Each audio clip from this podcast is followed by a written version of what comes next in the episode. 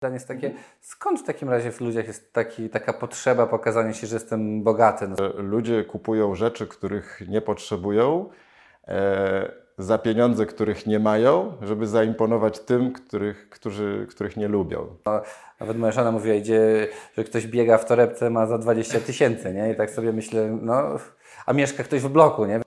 Ja nie lubię tych pytań, dlatego że wiesz, statystycznie ja i mój pies mamy trzy nogi, czyli jeżeli padnie kilka restauracji, to może właśnie jest idealny czas, żeby taką restaurację otworzyć w tym miejscu, kupić za bezcen te rzeczy, jeżeli rzeczywiście zawsze marzyłeś o restauracji. Standardowe takie nasze pytanie, czy mieszkania spadną o 50%, czy może wzrosną? Dla mnie takim największym hitem, którym słyszę, to się po prostu śmieję do rozpuku, jak przedsiębiorcy mówią, że muszą zrobić kosztów, nie?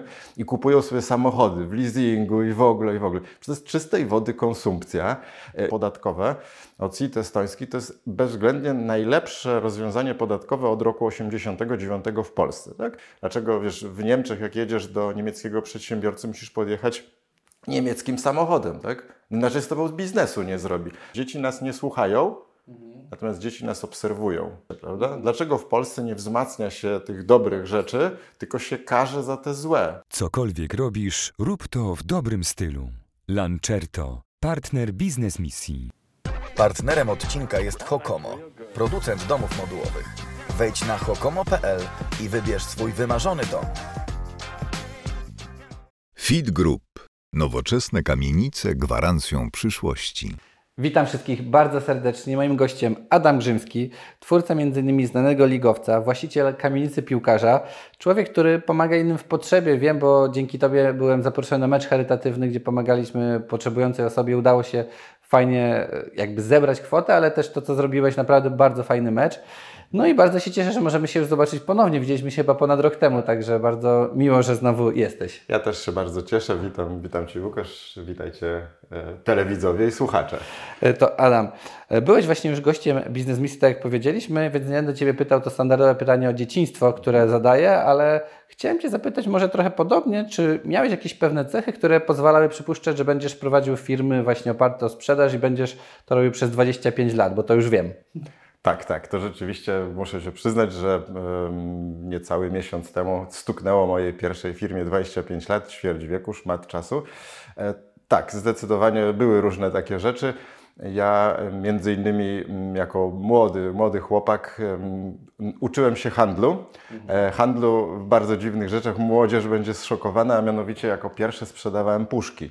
Że to był czas końca komuny. W Polsce nie było napojów w puszkach. No i te, te puszki można było pozyskać w różny sposób, y, od śmietników przez różne inne rzeczy i to wtedy była taka, każdy właściwie w pokoju musiał mieć taką ścianę, wiesz, puszki Coca-Coli. Miałem tak, miałem. No właśnie, piwa właśnie. zagranicy. Oczywiście, oczywiście. Więc ja te rzeczy mm, sprzedawałem na baz- niedaleko, tutaj jest taki bazarek, był chyba na, na dołku, tam je sprzedawałem i tam się uczyłem pierwszych zasad handlu. To znaczy ja sprzedawałem te puszki taniej niż konkurencja, bo liczyłem, że jest obrót, że te pieniądze szybciej się obrócą. I to się działo tak, że jak ja sprzedawałem po 300 zł, konkurencja po 500, gdzieś rozłożona obok, to na koniec dnia ja miałem właściwie puste łóżko, bo na takich łóżkach polowych się sprzedawało. I konkurencja e, nie miała co z tymi puszkami zrobić. No weź to teraz zapakuj do domu. Więc oni mi ją odsprzedawali za jakieś śmieszne pieniądze typu 100 zł od puszki. Ja je kupowałem, brałem do domu i za tydzień przychodziłem i wystawiałem znowu troszeczkę taniej. Szybciej też obracałem. Także od, od małego się uczyłem. Klocki Lego to samo. Skupowałem od, od znajomych, e, jak już wy, wyszli z czasów klocków Lego. Rozdzielałem na różne takie mniejsze rzeczy i sprzedawałem, sprzedawałem też kolejki, ale to była właśnie jakaś potrzeba, czyli się uczyłem, że jest potrzeba, jest usługa. Druga zasada, którą już mówiłem, że pieniądz musi po prostu krążyć, tak? Im się więcej obraca, więc zdecydowanie od początku uczyłem się sprzedaży i relacji, bo sprzedaż to relacja tak naprawdę. No, bardzo ciekawy ten biznes, ale przejdźmy te 25 lat. Chciałem Ciebie zapytać, bo właśnie jesteś już bardzo długo na rynku, jaka dziś jest kondycja polskiej gospodarki, jak wypadamy na tle innych? No, przeżyłeś już kilka kryzysów, to jak to jest dzisiaj tak naprawdę? To znaczy, i, i ja nie chciałbym się właśnie tutaj e, ścigać na, na różne opinie, bo rzeczywiście otwierając YouTube'a czy telewizję jest mnóstwo różnych opinii, od bardzo złych do bardzo dobrych. Ja właśnie przestrzegam od taką patrzenie na gospodarkę w skali makro, ja wolę patrzeć w skali mikro, czyli e, obserwować, być uważnym, idziesz ulicą, patrzysz, czy ileś, ile lokali na przykład się zamknęło, tak? To świadczy o gospodarce, bo to jest twój lokalny mikroświat. I to ma znaczenie. To, czy polska gospodarka jest w bardzo dobrej kondycji, czy w złej, ma oczywiście znaczenie pośrednio, ale nie bezpośrednio dla prowadzenia Twojego biznesu. Dla Ciebie ważniejsze jest prowadzenie biznesu, żebym ja jako Twój sąsiad, jako znajomy, żebyśmy my lokalnie ten biznes prowadzili na, na dobrym poziomie, bo sprzedając mieszkania w kamienicy piłkarza, mam kontakt z ludźmi, którzy wszyscy mówią, że jest źle, a oni nagle zaczynają zarabiać dużo więcej. Dlaczego? Dlatego, że kryzys to jest transfer pieniędzy między tymi mniej zaradnymi, a bardziej zaradnymi. I e, odpowiadając na Twoje pytanie, oczywiście no, nie jest super, bo to nie ma co mówić, że jest super. Natomiast moje doświadczenie pokazuje, że właśnie takie sytuacje, w których gdzieś się dzieją różne zawirowania, powodują taką szansę, to jest taka trampolina do tego, żeby właśnie wtedy wyskoczyć, bo inni się boją, bo, bo inni nie wiedzą. Czyli jeżeli padnie kilka restauracji, to może właśnie jest idealny czas, żeby taką restaurację otworzyć w tym miejscu, kupić za bezcen te rzeczy, jeżeli rzeczywiście zawsze marzyłeś o restauracji. No i teraz pytanie, czy to, że jest dobrze w gospodarce, to jest dobrze dla Ciebie, czy źle, prawda? To jest pytanie. Mhm. No rzeczywiście, są, jest bardzo dużo zależności. No dobrze, Ma- miało nie być o nieruchomościach, ale chciałem Cię zapytać, jak to jest w ogóle, że się sprzedaje, jak Ty sprzedałeś 110 mieszkań w dwa lata i to bez wydawania kasy na reklamę, bazując tylko chyba na poleceniu, więc to jest tak, że dzisiaj, no wiesz, ludzie wyścigują się różne artykuły płatne i tak dalej. Jak to jest u Ciebie? Y, Po pierwsze, tych rzeczy nie da się zbudować y, od razu, tak? że, że jest. To jest gdzieś bazowanie właśnie na tym zaufaniu, na tym, że się robi dobry produkt, że się gdzieś nie zawodzi ludzi. Mm, Ja bym powiedział, że to jest takie, y, takie podejście właśnie w takim budowaniu biznesu od początku, od podstaw, takim spokojnym rozwoju. My żyjemy w takich czasach szybko, tak? Musi być szybko. Ja chcę już, dzisiaj założyłem biznes, za pół roku to chciałbym być w ogóle milionerem. Ja uważam, że to jest e, bardziej maraton i budowanie relacji, tak? To jest, to jest chyba taka rzecz kluczowa w, w ogóle w biznesie. Myślę, że no chcemy przede wszystkim, to jest w ogóle chyba też kluczowe, że jakby odeszliśmy od takiego modelu, że my jako konsument chcemy, chcemy kupować od firmy. 10 lat temu, jak brałeś ubezpieczenie, brałeś od firmy X. Dzisiaj, w dobie social mediów, to jeśli byłbyś doradcą em, od ubezpieczeń, to ja bym kupił to ubezpieczenie od Łukasza Smolarskiego, a nie od firmy, której polecasz mi, tak? Dlatego, że ja Tobie ufam, że wiem, że Ty wybrałeś dobry produkt. I to są czasy właśnie mm, social media to, to spowodowało, bo social media dają dużo złego i dużo dobrego. I to jest właśnie ta dobra strona, że my jesteśmy w stanie się pokazać jako człowiek. Czyli ktoś ode mnie kupuje mieszkanie nie w kamienicy piłkarza, tylko od, nie od kamienicy piłkarza, tylko od Adama Grzymskiego, tak? Bo oni wiedzą, że ten sam uśmiechnięty gość z Instagrama tak samo się będzie uśmiechał, jak cię spotka na ulicy i cię nie oszuka, bo, bo, jest, bo jesteśmy w relacji, tak? Oczywiście nie dlatego nie oszukam, bo jesteśmy w relacji, to absolutnie nie o to chodzi, ale taka siatka powiązań i jakiś ten mikroświat powoduje, że jesteśmy w stanie e, osiągnąć sukces w biznesie bez względu na to, czy jesteśmy wielką marką, czy, czy małą marką, tak? Marką osobistą tak naprawdę. E, Adam, idąc dalej, ceny mieszkań. Co z cenami w Polsce? Standardowe pytanie. Czy mieszkania spadną o 50%? Mówiłem, że mieliśmy nie rozmawiać o nieruchomościach, miało być o życiu, ale dobra, niech będzie. Muszę Cię, no masz tak dużo wspólnego z nieruchomościami, że chciałem standardowe takie nasze pytanie. Czy mieszkania spadną o 50%, czy może wzrosną? Ja nie lubię tych pytań, dlatego że wiesz, statystycznie ja i mój pies mamy trzy nogi. To, czy nieruchomości gdzieś e, wzrastają, czy spadają, mm, można to ubrać w sumę wszystkich mieszkań w Polsce, podzielić i wyjdzie ci jakiś procent, który idzie w górę bądź w dół. Natomiast znowu, po co ci jest potrzebna taka wiedza? Po to, czy, że chcesz kupić mieszkanie, nie wiem, na warszawskiej Białęce, tak? Czy chcesz kupić na inwestycje, czy chcesz coś zrobić? To jest jakby kluczowe, czyli po co ci ta wiedza jest, czy mieszkania pójdą w górę, czy pójdą w dół. E, trzeba sobie jasno powiedzieć, że nieruchomości nie idą e, wszystkie w tym samych procentach, tylko są rozbite. Jeżeli ktoś, i, to, i to jest proces, który e, wzrasta. 15 lat temu, bo ja pamiętam takie czasy, jestem, mam dlatego siwą brodę już mam, były takie czasy, że można było kupić, nie wiem, załóżmy mieszkanie w apartamentowcu, no i taniej było na parterze, później pierwsze, drugie i ostatnie piętro było ciut droższe. Minęło 15 lat, tych mieszkań na ostatnich piętrach w Warszawie jest jakaś ograniczona pula i nagle się okazuje, że na drugim piętrze kosztuje, nie wiem, 12, a na ostatnim 30 tysięcy. I teraz wzrost tej, tego mieszkania na ostatnim piętrze versus to na drugim czy pierwszym piętrze jest absurdalnie wyższy, prawda? Analogicznie w nieruchomościach, tam gdzie mamy ograniczenie terytorialne w jakiś sposób, i e, chęć ludzi do mieszkania w tym jest spowodowana w różny sposób. No nie wiem, przykłady. Mamy Sopot, prawda? To jest takie miasto, które jest ograniczone z czterech stron. Mamy z jednej strony takie góry, tak? Tu mamy morze, Gdynię i Gdańsk. I teraz jak ktoś chce kupić w Sopocie, to jest ograniczona liczba mieszkań w środku tego, tego czegoś, tak? To miasto się nie jest w stanie rozlać. Wtedy ten wzrost cen jest wyższy. Analogicznie w Podkowie Leśnej pod Warszawą, miasto, ogród, w którym mieszkam, zachowując proporcje właśnie tak jak Beverly Hills, prawda? No, chcesz mieć ten kod pocztowy z Beverly Hills, musisz zapłacić. Tam jest ograniczona liczba i wzrost tych nieruchomości jest wyższy. Jeżeli kupisz nieruchomość która jest w jakiś sposób ograniczona, to wzrost Twojego mieszkania będzie wyższy po prostu. Więc pytanie takie ogólne, ja nie lubię tych, tych pytań ogólnych, e, bo one właściwie poza taką czystą statystyką nic, nic nie wnoszą. Więc, ale wiem, że ludzie chcą, chcą wiedzieć, więc powiem dosłownie w jednym zdaniu, że małe mieszkania w centrum miast będą szły do góry, mieszkania większe na obrzeżach będą e, gdzieś albo w trendzie, powiedzmy, jak to mówią, e, bocznym, tak, czy, czy jak się tam określa. A, mm, natomiast e, nie, nie pokusiłbym się takie powiedzenie, że ogólnie nieruchomości pójdą o tyle w dół czy w górę. Mhm, rozumiem. No ale wyjaśniłeś e, I, i rzeczywiście są po prostu zależności i to wszystko, jak prosta odpowiedź, to zależy, nie? Gdzie? Tak, tak, tak. W nieruchomościach wiele rzeczy rzeczywiście, um, rzeczywiście zależy. Mhm. A powiedziałeś w, y, kiedyś w jednym właśnie wywiadzie, to sobie zapisałem, że tajemnica tego świata jest taka, że większość ludzi, którzy wyglądają na bogatych, nimi nie są, a ci, co są bogaci, mają to gdzieś, jak ich inni oceniają, jak są ubrani. Często właśnie mówiliśmy o tych znaczkach i wiesz, ubraniach po 10 tysięcy i tak dalej. I dlaczego tak sądzisz? To jest taki cytat właśnie, że ludzie kupują rzeczy, których nie potrzebują, e, za pieniądze, których nie mają, żeby zaimponować tym, których, którzy, których nie lubią. I to jest takie e, powiedzenie właśnie, które pokazuje, jak bardzo dużo pieniędzy wydajemy na to, żeby pokazać innym, że mamy pieniądze.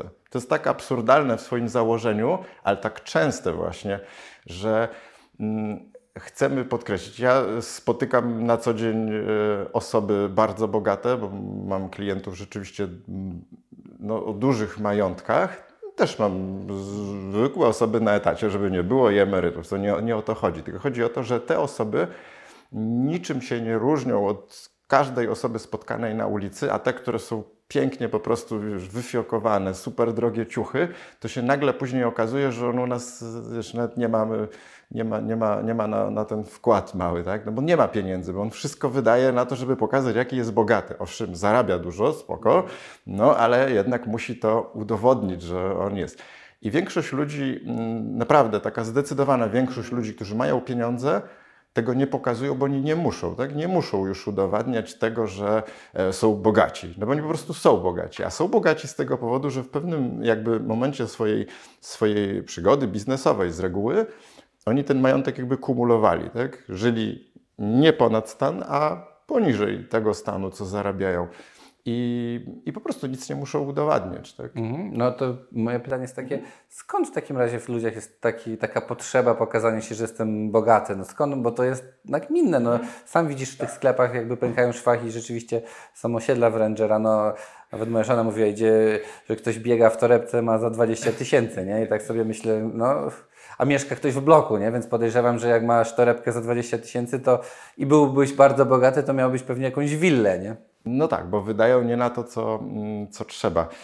E, skąd to się bierze? Pewnie trochę kulturowo, bo ja bym też tak nie generalizował, że to jest tylko problem Polski czy, czy, czy gdzieś naszego kraju, ale re, rejon nasz, e, powiedzmy tej Europy Wschodniej, to są kraje, gdzie nie ma tej sukcesji, e, gdzie jakby pokolenia nie zdążyły się przy, przyzwyczaić do posiadania pieniędzy, tak jak jest, nie wiem, w krajach anglosaskich, w Europie Zachodniej, że mamy, e, my dopiero tworzymy taką klasę osób, które mają swoje jakieś aktywa i przyzwyczajają swoje dzieci do tego, że, że one żyją na jakimś poziomie, a my jesteśmy tym krajem do, dorob, dorob, dorobkiewiczów. Tak? Teraz właściwie na emeryturę powoli przechodzi pokolenie mm, takich pierwszych polskich y, ludzi z pieniędzmi, tak? którzy gdzieś tam w latach 90. zaczęli rozkręcać swoje biznesy. I teraz jest ogromny problem w ogóle właśnie z sukcesją, bo nagle się okazuje, że nie ma co zrobić. Tak? I, I my chyba mamy takie poczucie jako społeczeństwo właśnie, że jak mamy pieniądze, no to musimy się pokazać, musimy coś zrobić. Może w kolejnych pokoleniach właśnie to się tak zmieni, że będzie jak na zachodzie, że, że milioner może wyjść w dresie, w kapciach do sklepu i w ogóle, i przy tym go w ogóle spotkasz, tak? Bo to wiesz, bo to jest najśmieszniejsze, że u nas jak ktoś ma trochę kasy, to się zamyka podziemny garaż, samochód i tyle, tak?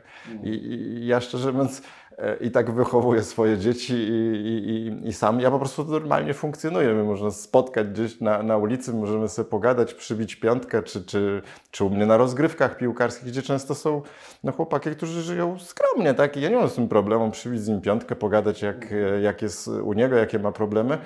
E, Bo ja nie muszę nikomu nic udowadniać, tak?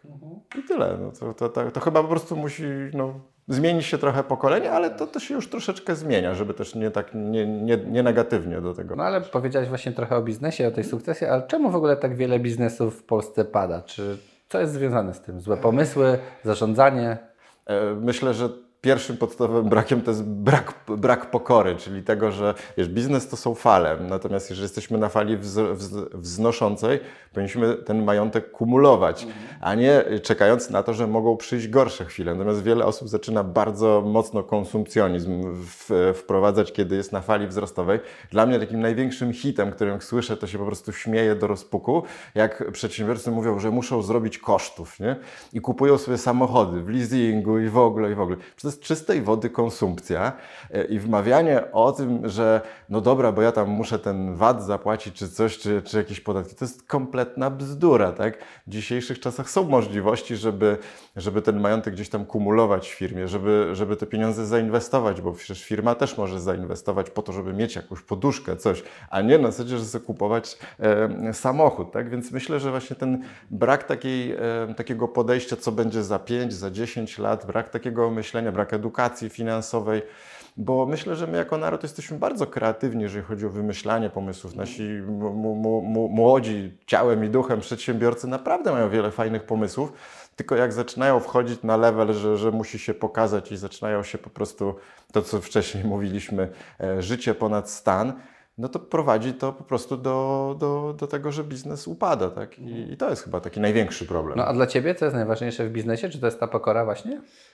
Też, aczkolwiek e, wiesz, e, wolność, ale nie taka wolność w takim rozumieniu ogólnym, tylko taka powiedziałbym wolność wyboru, wiesz, że ja po prostu ufam, że dzięki takiej wiesz, determinacji, dzięki zaangażowaniu, dzięki takiej uważności można dojść do takiego miejsca, w którym jestem ja, tak? E, Jako współwłaściciel siedmiu kamienic w Łodzi, jako osoba, która gdzieś osiągnęła jakiś sukces, ale właśnie wiesz, e, mm, to jest w ogóle tak, przepraszam za, za wtrątkę, bo to jest właśnie taka fajna rzecz, że my tutaj, ja mówię my w sensie, ale i nasi widzowie, to są takie osoby, które uważają, wiesz, że, że szklanka jest do połowy pełna, tak? że, że jesteśmy raczej takimi w tym gronie, tak, takimi, mm, takimi optymistami i, i idącymi właśnie em, do przodu, po to, żeby właśnie osiągnąć taką wolność wyboru, czyli taki moment, w którym tak naprawdę to ty decydujesz, co robić, jak pracować, a nie, że musisz coś robić, bo. Prawda? I to jest chyba taka najważniejsza rzecz w, w biznesie dla mnie, żeby osiągnąć stan,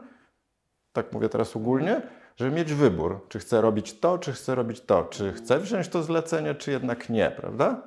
Moment, w którym to osiągamy, jest magiczny, że możemy wybrać pewne rzeczy. I to jest chyba taki cel, tak sobie teraz na gorąco No, pomyślałem. Zdecydowanie, no ja też kocham to, co robię, więc jak mogę jeszcze Tak. robić pasję i wybierać i z tego jeszcze mieć pieniądze, utrzymać rodzinę, no to jest wspaniała rzecz, no bo y, większość ludzi żyje, bo musi, nie? Dzisiaj zarobić to i tak dalej i musi często robić rzeczy, których nie lubi. Jak się może, to wiesz, mało kto pewnie może wybor, dokonywać tego wyboru, ale tak jak mówisz, że jeśli się dojdzie do jakiejś takiej niezależności, to na pewno jest wspaniałe życie, dużo lepsze niż to z tą kurtką za 10 tysięcy. Na przykład, ale widzisz, to jest tak jak, jak ty, tak? Osiągnąłeś sukces, bo trzeba to powiedzieć, masz 10 lat, wiesz, prowadzenia e, kanału, e, bardzo, bardzo, wiesz, fajnego i też osiągnąłeś jakiś model wyboru. To nie jest tak, że zapraszasz wszystkich, którzy, którzy chcą, tylko jesteś w stanie mm, wybrać, więc tę wolność wyboru, to żebyśmy też nie myśleli, że, nie wiem, musimy być na poziomie level po prostu bardzo wysoki.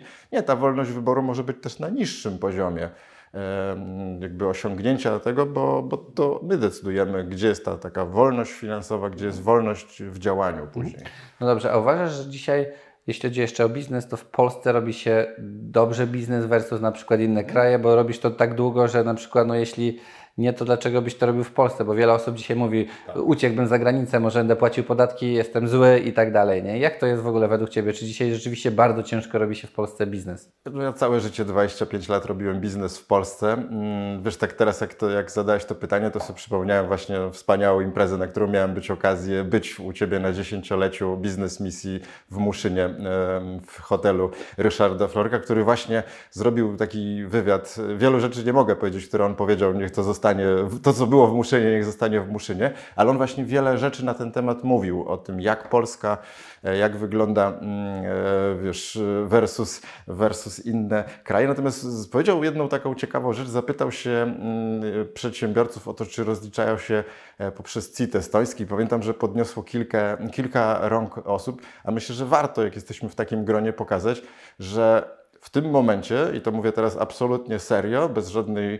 To, jest to, co nasi rządzący w tym momencie wprowadzili dla spółek, jeżeli chodzi o, o prawo po- podatkowe, o CIT estoński, to jest bezwzględnie najlepsze rozwiązanie podatkowe od roku 89 w Polsce. Tak?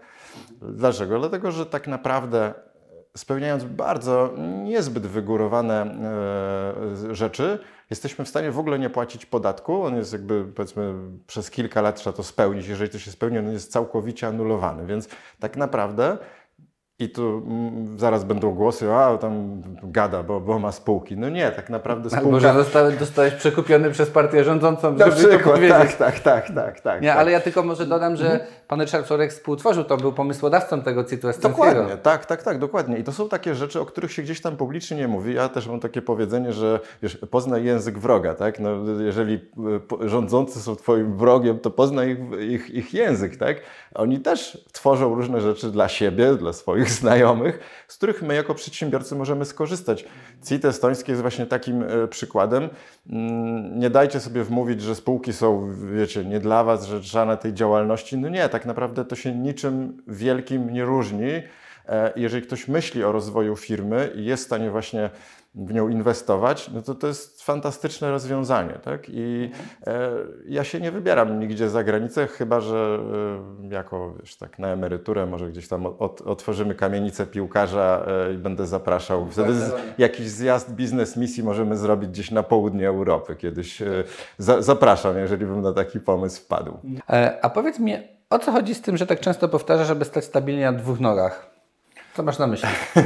E, A to jest e, dobre, bo rzeczywiście no, u mnie jest jedna noga piłkarska, bo prowadzę rozgrywki piłkarskie, druga to jest nieruchomości. I zawsze prowadząc gdzieś biznesy żyliśmy z piłki nożnej, e, a nieruchomości był to formą budowania tej emerytury, to są te dwie nogi, ale tak przenosząc na, na, na, na dla Was, na, na życie, to chodzi o to, że z dwóch nóg, to przed chwilą to wymyśliłem, więc nie wiem, czy to dobrze określę, ale z dwóch nóg się łatwiej skacze, tak? Łatwiej zrobić skok w biznesie niż z jednej nogi. Jeżeli masz firmę, która działa super na jednym rynku, a chciałbyś wejść gdzieś wyżej, no to z dwóch nóg jest Ci łatwiej się odbić.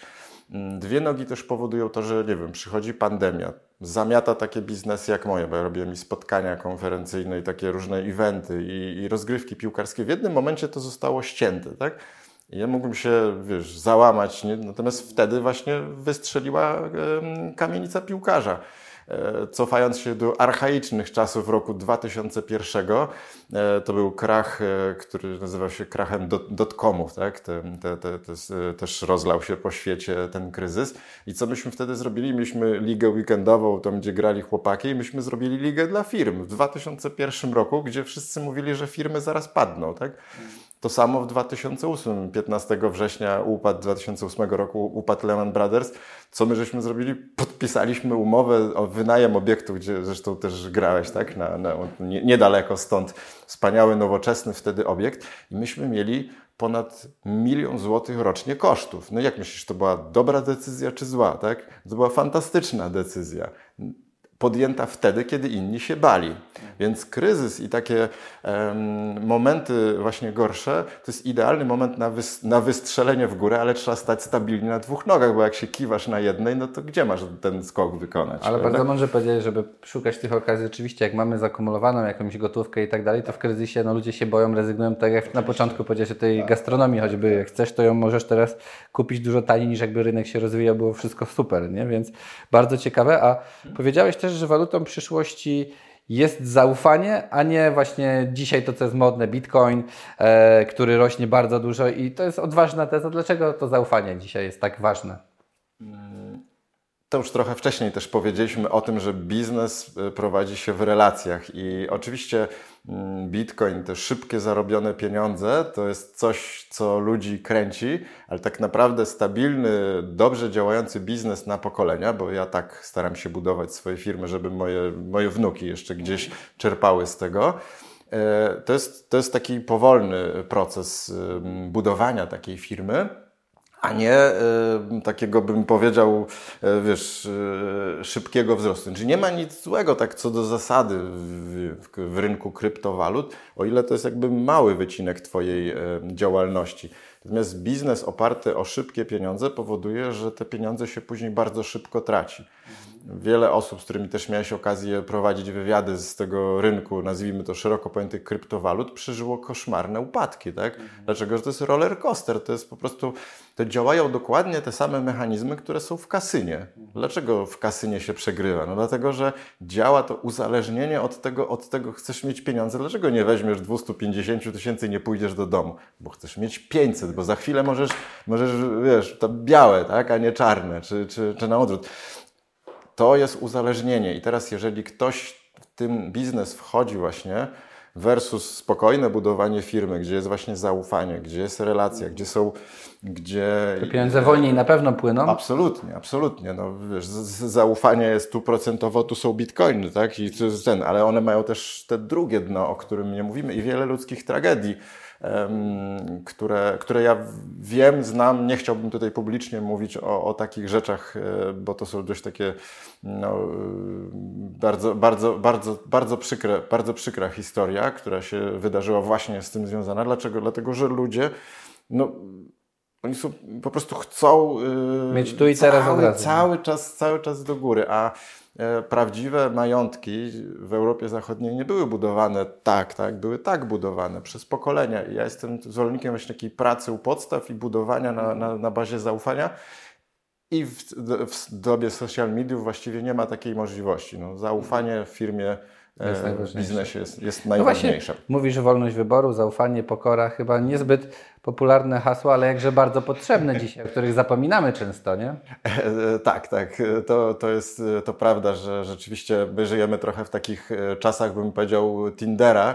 E, natomiast biznes to jest i biznes to są relacje, biznes to jest bardziej e, małżeństwo, tak? A my żyjemy w czasach, że tu tak, tu tak, nie? Szybko podejmujemy decyzje. Chcemy tu i teraz być bogaci.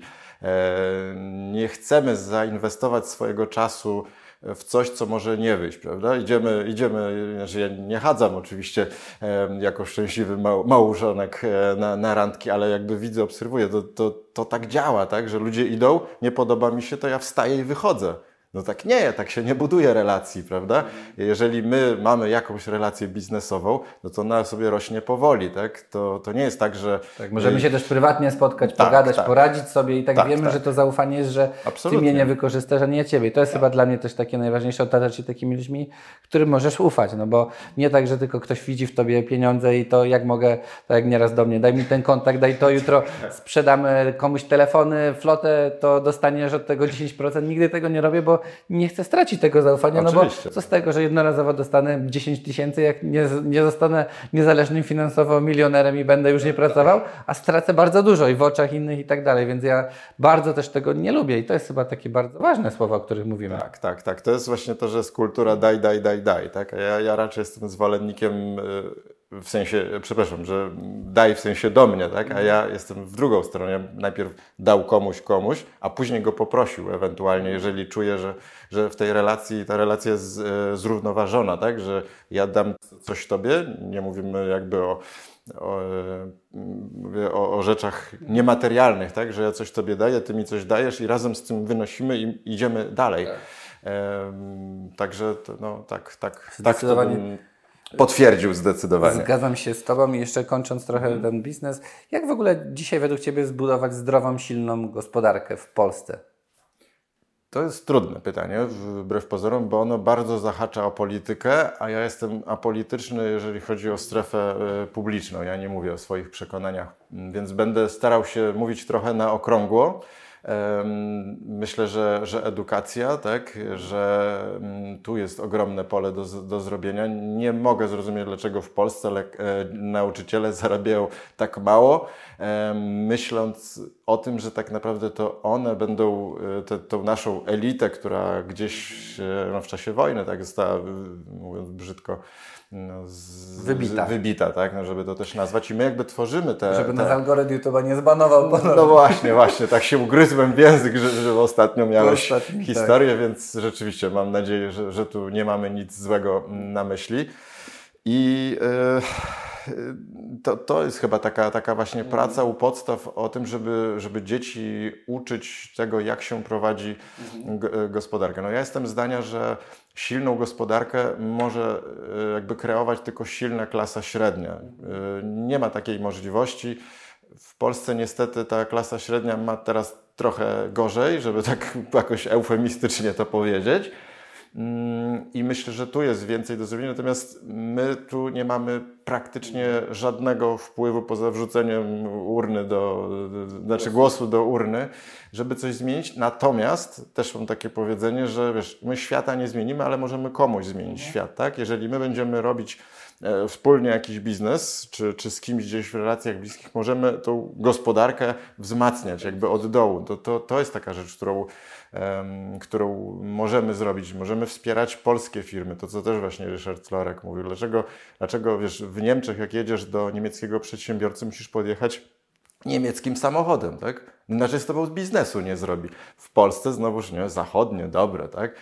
A jakby podjechał u ciebie na, na, na, właśnie na tym zjeździe w Muszynie, by byli chłopaki, którzy robili takie y, polskie busy, tak? Czy takie autobusy. W ogóle byłem zszokowany takimi rzeczami. No to, to niech będzie taka kultura, że podjedźmy tym ich busem, polskim busem, którego się nie ma co wstydzić, bo jest super, super robota, a nie niemieckim autem do, do polskiego przedsiębiorcy. Tak? Jeżeli masz do wyboru kupić polski produkt i zachodni, u nas brakuje trochę takiego, powiedziałbym, takiego Patriotyzmu. Pa, patriotyzmu, tak? Biznesowego trochę Tak, tak, nazwać. tak, takiego wspierania. My, my, wiecie, zobacz, no my, my wspieramy, no to, jest, to, jest, to jest hit dla mnie, że jesteśmy w tej social mediach, wspieramy jakichś artystów, nie wiem, z Ameryki, tak, którzy tam milionerami są, ale jak twój znajomy otworzy warzywniak, no to tam może puścisz mu lajka i tyle, nie? Jeszcze poprosisz o rabat na tą marchewkę. No kurczę, przyjdź do niego, do tego sklepu, przyprowadź znajomych, kupcie tam, wiesz, na bogato. E, tym właśnie kreujemy silną gospodarkę, że wspieramy lokalnie, żyjemy, żyjemy lokalnie w jakichś mikroświatach,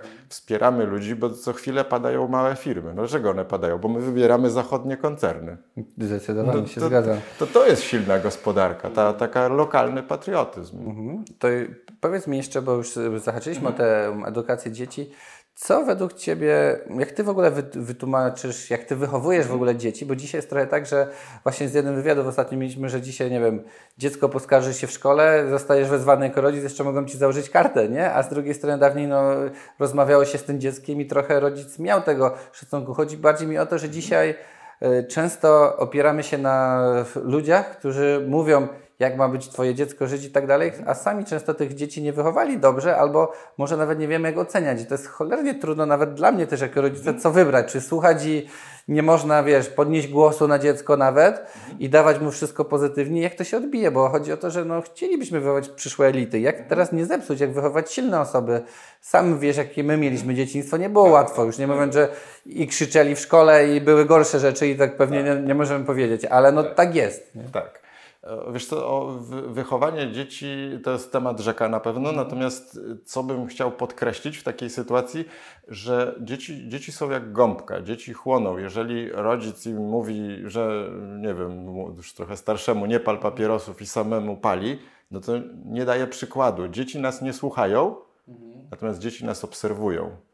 I jeśli my zachowujemy się w fajny sposób, yy, dobry, z szacunkiem do innych ludzi, a tak my się właśnie staramy zachować, tak się, to, to jest jakby ta podstawa, czyli szacunek do innej osoby, bez względu na to, ile ma pieniędzy, bo to jest podstawa. Nasze dzieci w ogóle nie rozpoznają, że to jest bogaty i biedny. Nie ma czegoś takiego, naprawdę. I to mówię z ręką na sercu, bo tak żeśmy ich wychowali.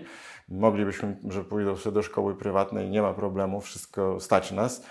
Ale my żeśmy właśnie nie chcieli tworzyć takiego mm, klosza, y, nie chciałem użyć słowa getta, bo znowu to nie wiem, czy to można, czy nie, ale, ale, ale wiesz, takie, takie getto za, zamknięte, zamknięte mm, y, jakby obszar, gdzie są tylko, bo, takiej, nie? tak, gdzie są tylko bogaci. Dlaczego? Dlatego, że te dzieci są wychowywane w kompletnym jakby oderwaniu. No pani... Jak później sobie poradzi, jak coś Tak, tak, tak. Oni, oni jakby nie będą przygotowani do tego, że w życiu może być trochę gorzej. Tak? No, dzieciom możemy dać wszystko, ale właśnie dając im przykład, to jest właściwie, to chyba, to chyba jest cały klucz wychowania tak naprawdę, jakby tak się dobrze zastanowić.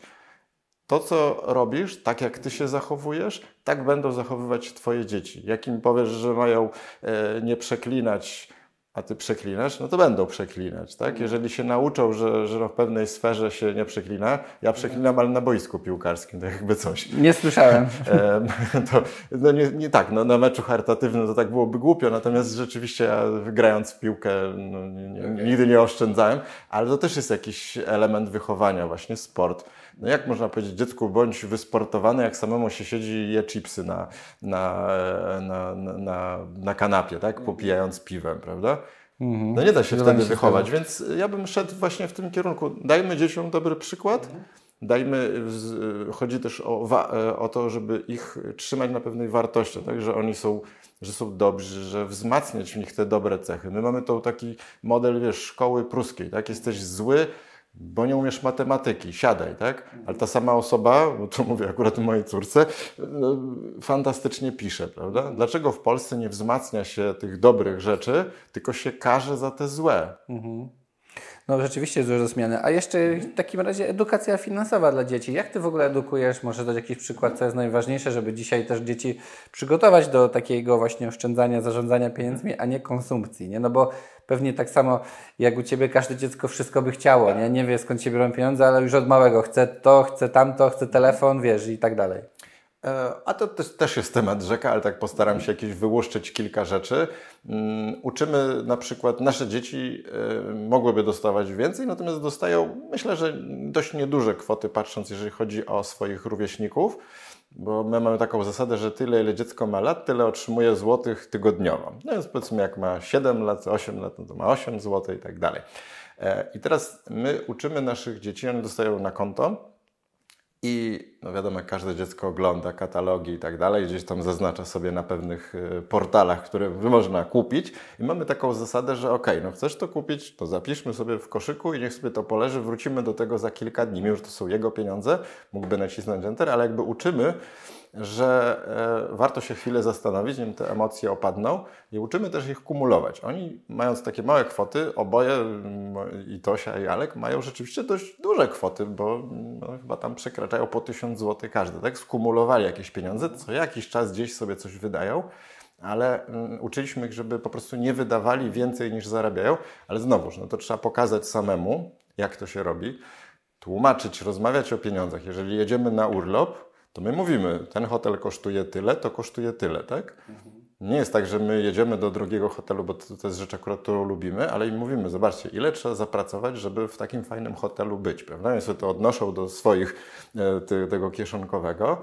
Em, Więc ja bym powiedział, że i, i to, co już po- powiedziałem w poprzednim pytaniu, analogicznie, no, dzieci nas obserwują. Jeżeli my byśmy szastali pieniędzmi e, na lewo i prawo, bez patrzenia na to, co ile kosztuje, no to, to dzieci by robiły dokładnie to samo, bo to jest, to jest zasada gąbki. Jeżeli chcemy, mm, nie wiem, y, coś wydać, rozmawiamy o tym w domu, prawda? Że no, chcemy zrobić to i to, kosztuje to tyle i tyle. E, Nie mamy czegoś takiego, że im po prostu kupujemy, bo, bo, bo, bo, bo mamy, bo możemy. Nie? To takie chyba są rzeczy, takie drobne rzeczy, które myślę, że każdy może gdzieś tam sobie zastosować, prze, przełożyć na swoje możliwości. No to Adam, prawie kończąc, bo mówiliśmy też o tej gospodarce, o biznesie i to jest takie na koniec pytanie, jak dzisiaj funkcjonować? Zarzucają nam, na przykład mi, okładki clickbaitowe, jesteśmy skłóceni, każdy na każdego często dzisiaj bardzo łatwo naskakuje, wybucha. Dlaczego jako naród się nie wspieramy?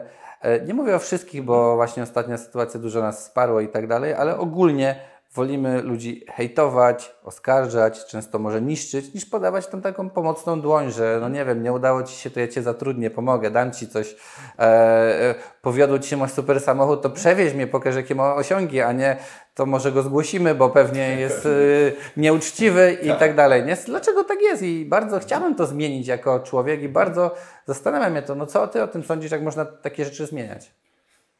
Mówiliśmy wcześniej o tym, jak dobre strony mają social media, natomiast to, o czym teraz mówisz, to jest ta ciemna, czarna strona social mediów.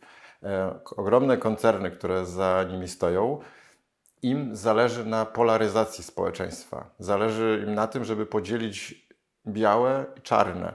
Dlaczego? Dlatego, że tylko i wyłącznie radykalizm powoduje właśnie tą chęć, e, te, te przyciągnięcie uwagi. Tak? Czyli e, jeżeli mówimy na przykład o polityce, no bo to jest taki najbardziej jaskrawy przykład. I tu w ogóle bym właśnie nie powiedział, że to jest Polska, tak? Te rzeczy się dzieją w całym świecie.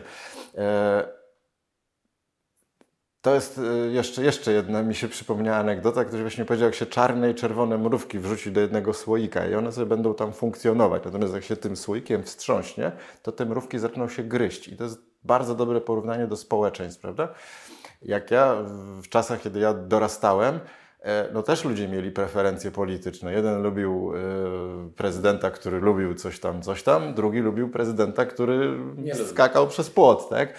I nie było w tym nic złego. Dzisiaj często spotykając znane osoby, tak sobie myślisz, o fajnie, zrobię sobie z nim zdjęcie, ale sobie zaczynasz myśleć, kurczę, ale teraz połowa kraju będzie uważać, że jestem bez sensu, bo zrobiłem sobie zdjęcie z jakimś gościem, którego lubię, więc ja publicznie nie mówię o polityce, ale wracając jakby do pytania, o co, o co w tym wszystkim chodzi.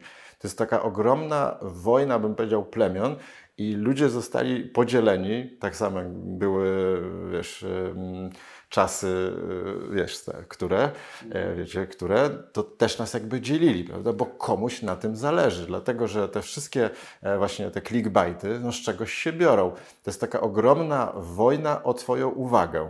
A jak możesz zwrócić uwagę mówiąc coś pozytywnego, tak? No możemy sobie fajnie pogadać, e, będzie to jakaś wartość, ale... e, Nie przebijemy się. Ale nie przebijemy się, tak? I teraz e, moim zdaniem, jeżeli twój jakiś tytuł jest clickbaitowy, okej, no takie, takie chyba są wymogi czasów, mm, ale dajesz wartość ludziom, prawda? Natomiast rzeczywiście w, żyjemy w takich czasach, w których no to jest takie, o jeszcze mi się jedna rzecz przypomniała, to, e, social media to jest taka e, wojna o to, żeby być pierwszym wyborem, prawda?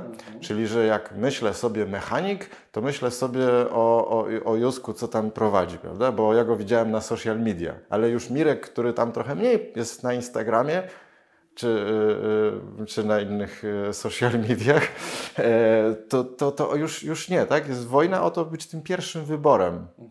Że jak ktoś myśli y, coś, to myśli coś, tak? Nie chcę mówić o sobie, bo żeby tak nie było. Nie, ale, no, ale, ale wiesz o co chodzi? Czyli Tak. spolaryzowanie społeczeństwa, podzielenie nas na dwa obozy, białych i czarnych, y, żeby nie, nie wchodzić w kolorystykę, powoduje, że e, jakby jesteśmy zantagonizowani i tego nie zmienisz już na takim poziomie naszym. Myślę, że co można robić. Ja mam taką zasadę, że nie rozmawiam y, w sferze publicznej o polityce, o, o kwestiach y, światopoglądowych, y, takich mówię, o, o religijno gdzieś tych rzeczach. Nauczyłem się tego, bo ja mam właściwie i klientów, i znajomych wszędzie. Ja cenię człowieka. Jeżeli widzę, że ktoś ma inne poglądy niż ja, to ja się nie dam być jak ta mrówka zmieszana, tylko dlatego, że nie wiem, że powiesz, że ty głosujesz na kogoś innego. No, no okej, no jesteś dobrym, wartościowym człowiekiem, za to cię cenię, a nie za to, jaki jest twój wybór. Nawet więcej, mnie to nie obchodzi, szczerze mówiąc, e, co robisz i mi się wydaje, że im e, mniej będzie w strefie takiej social mediowej właśnie em, pokazywania tego polaryzowania. Ja jestem w tym szaliku, a ty jesteś w tym, prawda? To, tym, to, to jest chyba taka rzecz od podstaw, którą możemy zrobić, żeby nie, nie było tej, tej, tej takiej wojny plemion, powiedzmy, którą ktoś generalnie na górze po prostu rozkręca, po to, żeby te ko wielkie korporacje zarabiały gigantyczne pieniądze.